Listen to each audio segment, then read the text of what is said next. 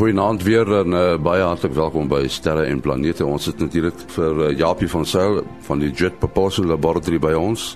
Vir die kort van die SAAO en ook vir uh, professor Mati Hofman van die Universiteit van die Vrystaat, die digitale uh, sterrewag en uh, die planetarium daar op Massapoort. En nou 'n uh, ruimtenis wat geskryf is deur Herman Torin in Bloemfontein. Wetenskaplikes het onlangs vasgestel dat die aarde naast die maan ook 'n uh, tweede uh, natuurlike satelliet het. Dit is 'n asteroïde wat tussen 30 en 100 meter in deursnit is. Dit het 2016 H03. Dit staan as 'n quasi-maan bekend omdat dit om beide die aarde en die son wentel. Dit is ook 'n stabiele baan en dit blyk dat die asteroïde die aarde al byna 'n eeu lank vergesel en dat dit nog eeue lank dit sal doen. Dit hou geen gevaar vir die aarde in nie. Die asteroïde het nooit nader as 14,5 miljoen kilometer uh, aan die aarde beweeg nie en is nooit verder as 24 miljoen kilometer nie. 'n Ander asteroïde en dit is uh, 2013 AN107 het vir ongeveer 'n dekade 'n soortgelyke baan gevolg maar het intussen verkas. China beplan om vanjaar sy tweede ruimte laboratorium te lanseer teen 2018 'n maankarretjie op die agterkant van die maan te laat ry en teen 2020 'n karretjie op Mars neer te laat vir verkenning. Teen 2020 wil China reeds 200 ruimtetuie in wentelbane om die aarde hê en 30 lanserings per jaar uitvoer.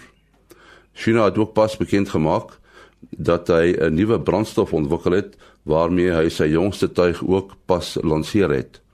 Die nuwe brandstof is meer volhoubaar en kragtig as die oue. Kenners meen dat China en Japan nie meer bloot ruimteprestasies van ander nadoen nie, maar selfs 'n bydrae lewer tot die ontwikkeling van ruimtevaart. Dit was 'n uh, ruimtenis geskryf deur Herman Torin in Bloemfontein. En nou uh, Kobus Olkers wat vir ons die son dop daar in Florida, Amerika. Ehm um, dit lyk asof daar 'n uh, redelik aktiewe area agter die aan die agterkant van die son is. Hy behoort oor die volgende paar dae te voorskyn te kom en dan kan ons sien sal ons sien of hy kompleks genoeg is om enige probleme te gee. So indien enigiets hier teen die einde van die week gebeur dan dan moet die luisteraars maar weet uh, maar sover niks nie. Dan wat uh, corona gate aan betref is daar sommer 4 wat wat uh, geo-effektief kan wees. Enetjie is reeds op hierdie oomblik geo-effektief en dan is daar nog een van die verre noordpool van die son en dan een net onder die ewenaar wat een van hulle sal uh, teen teen môre 12 uur se koers sou ek sê gaan hy geo effektief raak en die ander een so teen woensdag se koers. Ons moet maar oppas vir die enetjie later in die week val van ons uh, langafstand luisteraars want hulle hy is suidwaarts gerig en dit kan dalk 'n bietjie die die ionosfeer 'n bietjie beïnvloed. Dan wat ehm um, filamente aanbetref, is daar enetjie wat nou staan en lyk asof hy omtrent enige oomblik wil loskom en ehm um, sommer wil opstyg ook. So indien hy so sou maak, dan gaan ons so teen donderdag se koers weet van hom hier. Ek kan vir ons 'n stampie gee, maar nie sterk genoeg sou ek sê om enige probleme te veroorsaak nie. Dan is daar nog eene wat ek sou sê simmer so dinsdag se koers, dinsdagoggend se koers behoort hy geo-effektief te wees. Hy lyk baie meer stabiel, maar mens weet nooit wat later in die week kan gebeur nie en nou ja, dis 'n storie vir die week. Uh Goeienaand aan almal. En so gesels uh, Kobus Olkers daar in Florida, Amerika. Ja, by die o, is natuurlik almal gerig op op Juno. Nou ons het so 'n maand gelede gepraat oor Juno. Miskien moet net weer vertel waaroor gaan dit presies hier? Ja, kyk Juno is is een van ons satelliete wat uh op uh die 4de Julie ons uh um onafhanklikheidsdag hier in Amerika en dan by uh, uh Jupiter sal aankom en dan gaan ons dit probeer om in 'n baan in om Jupiter in te gaan op op die 4de Julie. Nou die rede waarom ons Jupiter verder wil bestudeer is dis natuurlik die grootste planeet in ons sonnestelsel, ongeveer 300 keer die massa van die aarde. Maar wat meer belangrik is, is volgens die samestelling van Jupiter moes hierdie planeet baie vroeg in die geskiedenis van ons sonnestelsel gevorm het.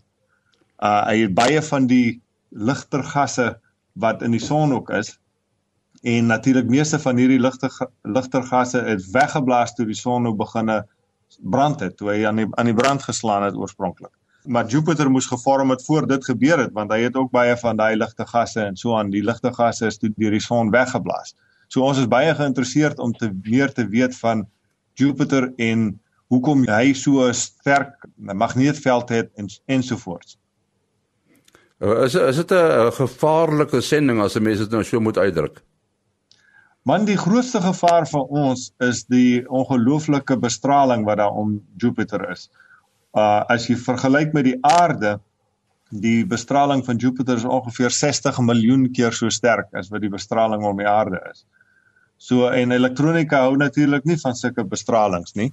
Elke slag wat ons baie naby Jupiter gaan kom, ons kom so ongeveer 500 uh 5000 km bokant die wolke van Jupiter. Dis die naaste wat 'n satelliet nog ooit aan Jupiter gekom het.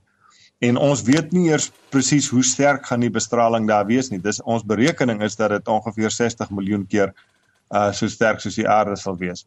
Uh en uh, uh ons weet natuurlik nie hoe lank gaan ons elektronika hou as ou deur so so 'n so 'n ongelooflike sterk magneetveld moet vlieg. En en hierdie tuig moet hy uh 'n sekere baan volg of hoe hoe werk dit presies? Ja, ons het hom in 'n spesiale baan. Hy gaan oor die pole van Jupiter vlieg. En uh dan gaan ons um so 11 dae elke keer is een baan. Nou wat ons doen ons ons kom baie naby Jupiter, soos ek sê 5000 km bo kan die die uh wolke en dan vlieg ons weer 'n entjie weg. Dis so 'n so, sogenaamde elliptiese baan. Dan vlieg ons so 30 of 40000 km weg en dan kom ons weer naby terug. En dit neem 11 dae vir ons om so 'n baan klaar te maak. Nou ons het bereken as ons berekeninge reg is dat ons ongeveer 33 keer so by uh, Jupiter sal kan verbyvlieg voordat ons um uh die elektronika beginne te erg um affekteer as gevolg van die bestraling. En wat ons natuurlik wil versigtig wees mee is dat ons nie hierdie ruimtetuig daar los uh um in uh in 'n toestand waar ons hom nie kan beheer nie. So die hele ding gaan wees om om dop te hou hoe die elektronika reageer en as dit begine lyk asof ons die satelliet gaan verloor, dan wil ons hom binne in Jupiter invlieg sodat hy kan homself daar vernietig en nie dalk op een van die maane soos uh, Europa en so aan beland nie want ons wil nie enige kans hê dat ons plekke soos Europa dalk sal besoedel nie Al, alhoewel ons nou die satelliet so skoon as moontlik gemaak het is dit dat daar nog altyd 'n kans dat daar bakterieë van die aarde nog steeds op die satelliet is. Uh so bietjie na die fisika se kant toe. Uh jy het nou genoem van die intense straling by Jupiter en die groot uh baie sterk magneetveld. Nou hoe hou die twee met mekaar verband? Dit hoe hoe kom impliseer 'n sterk magneetveld 'n baie groot uh, of intense straling aan die een kant en aan die ander kant waar sou die straling nou die intensste uh, wees as jy nou in Jupiter se sien nou maar sy rotasie as en sy ewenaar en so aan sal dink en uh, hoe vergelyk dit met die verspreiding uh in konfigurasie van die magneetveld om die aarde OK, dit sou dis nou 'n goeie vraag. So ek gaan nou 'n bietjie die bietjie ver in die geskiedenis gaan haal. In 1958 het het uh, JPL ons eerste satelliet gelanseer. Die satelliet se naam was Explorer 1.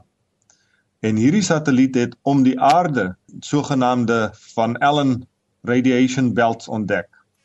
Dit is areas waar daar baie partikels wat ehm uh, wat uh, met elektrisiteit belade uh, belaai is, uh soort van vasgevang word deur die aarde se magneetveld.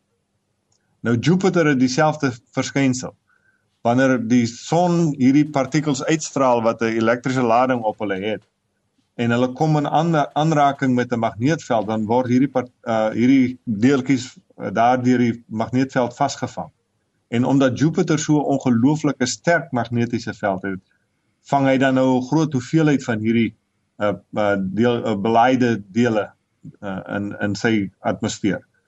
Nou die die intensste bestraling is so klein bietjie buitekant, sal ek maar sê die wolke van Jupiter. Dit is dieselfde as omtrent die uh, om die aarde. Die Van Allen belt is so bokant 'n uh, paar duisend kilometer bokant die oppervlakte van die aarde.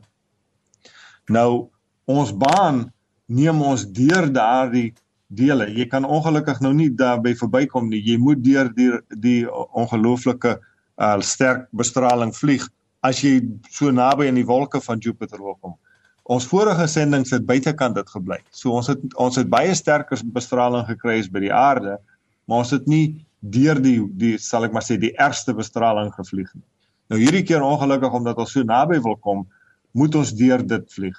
Nou die die uh, ons oorsprong van hierdie sterk magneetveld is uh, is nog nie heeltemal sal ek maar sê die die mense verstaan nog nie heeltemal hoekom het Jupiter so 'n sterk magneetveld nie. Ons magneetveld om die aarde is as gevolg van die sogenaamde dynamo effek wat ons uh, met ons um vloeibare kern van die aarde wat dit veroorsaak. Nou daar's 'n teorie dat op Jupiter as gevolg van die ongelooflike massa van Jupiter het hy soveel swaartekrag dat die drukking binne in die sal ek maar sê die gaswolk van Jupiter so hoog raak dat selfs uh, waterstof en helium in vloeibare vorm uh, raak. En as dit gebeur dan kan hulle um elektrisiteit gelei en so 'n dinamo effek veroorsaak. Maar niemand weet nog of dit wel die geval is nie en dis een van die dinge wat ons probeer bestudeer om te sien of ons so 'n dinamo effek kan wel vasstel om te uh, verstaan waarvan af kom hierdie sterk magneetveld. Nou kan ek ook dalk net 'n vraag vra oor hierdie straling. Dit lyk vir my dit is kumulatief. Dit dit dit dit bou op. So daar is uh, eintlik lyk my skade wat aangerig word aan die elektroniese komponente. Dit gaan nie noodwendig wees dat hulle onmiddellik onmiddellik uithaal. Dis eintlik nie onmoontlik nie. En en dan uh um, ja, so want ek ek dink erns gelees hulle hulle dit in REMS, R E M S en en en watse materiale kan julle dan doen om om dit te te werk om om om seker te maak dat die elektronika hou? Dink daar's 'n hele paar verskillende tipe van ehm um, effekte wat wat bestraling op elektronika het. Die mees algemene een is wat uh, is maar net wat hulle noem total dose. Dit beteken die totale hoeveelheid bestraling wat jy oor die tyd opbou. En as dit bokant 'n sekere hoeveelheid kom, dan breek die um, die elektronika se silikon, sal ek maar sê hulle hulle karakteristikke af en dan kan jy nou nie meer die elektronika gebruik nie. So ons gaan uh, natuurlik dan uh, die totale straling so wat nou met die tyd opbou van ons monitor op die, op ons satelliet om te sien hoeveel het die elektronika nou al gekry.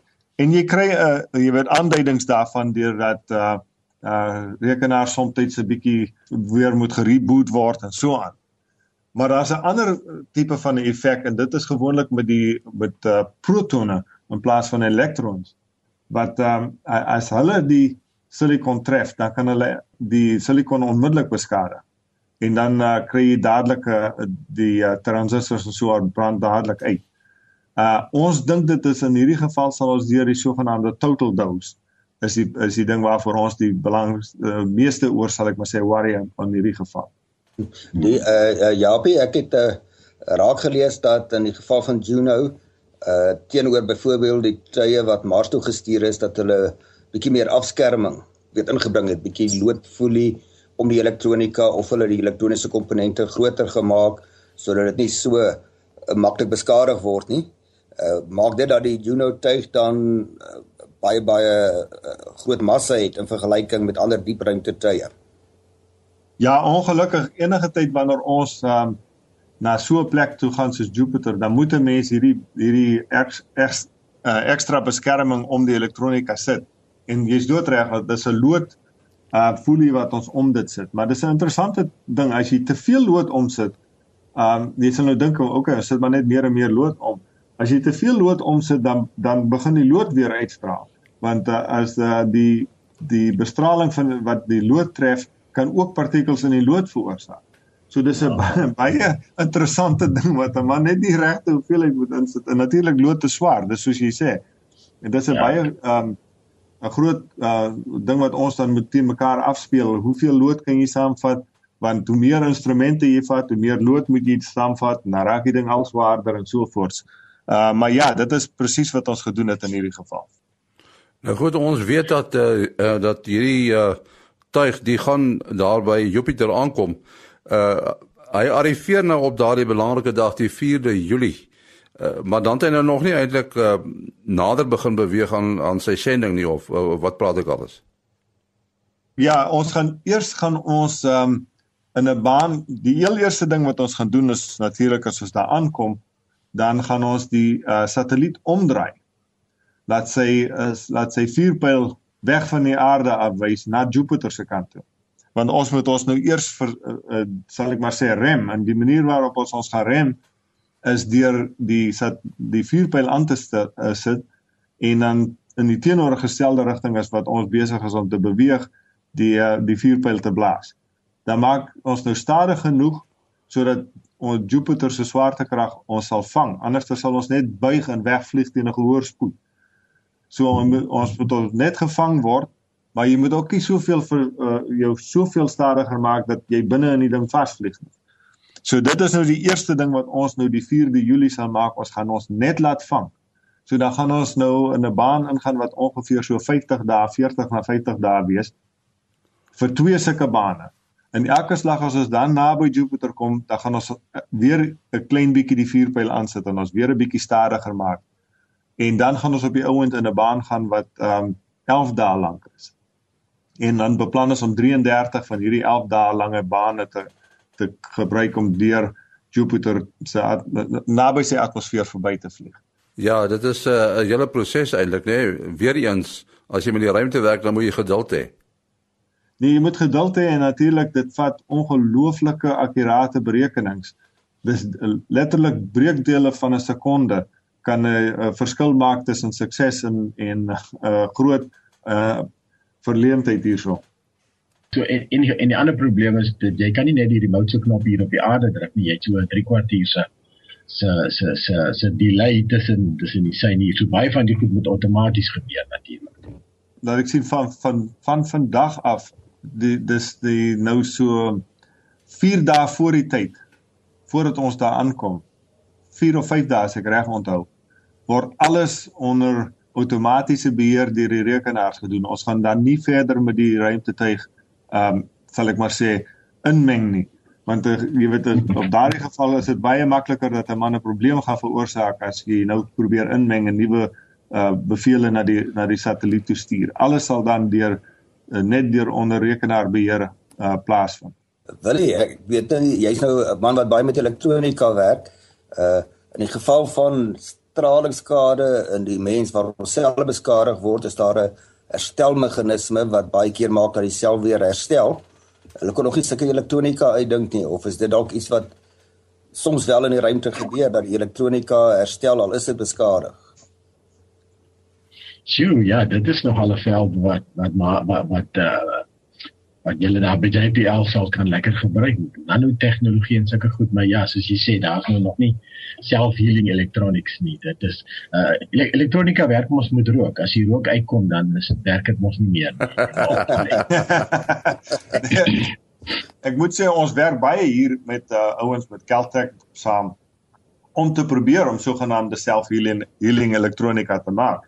Nou daar is sekere uh tipe van um bestraling effekte dat as jy die die elektronika afsit, 'n sogenaamde annealing wat jy kan doen. Jy sit hom af vir 'n ruk lank en dan uh, kom hy weer reg.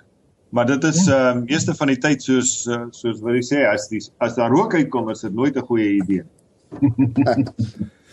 Goed, ons moet nou ongelukkig afsluit. Die tyd is kort. Japie, jou besonderhede?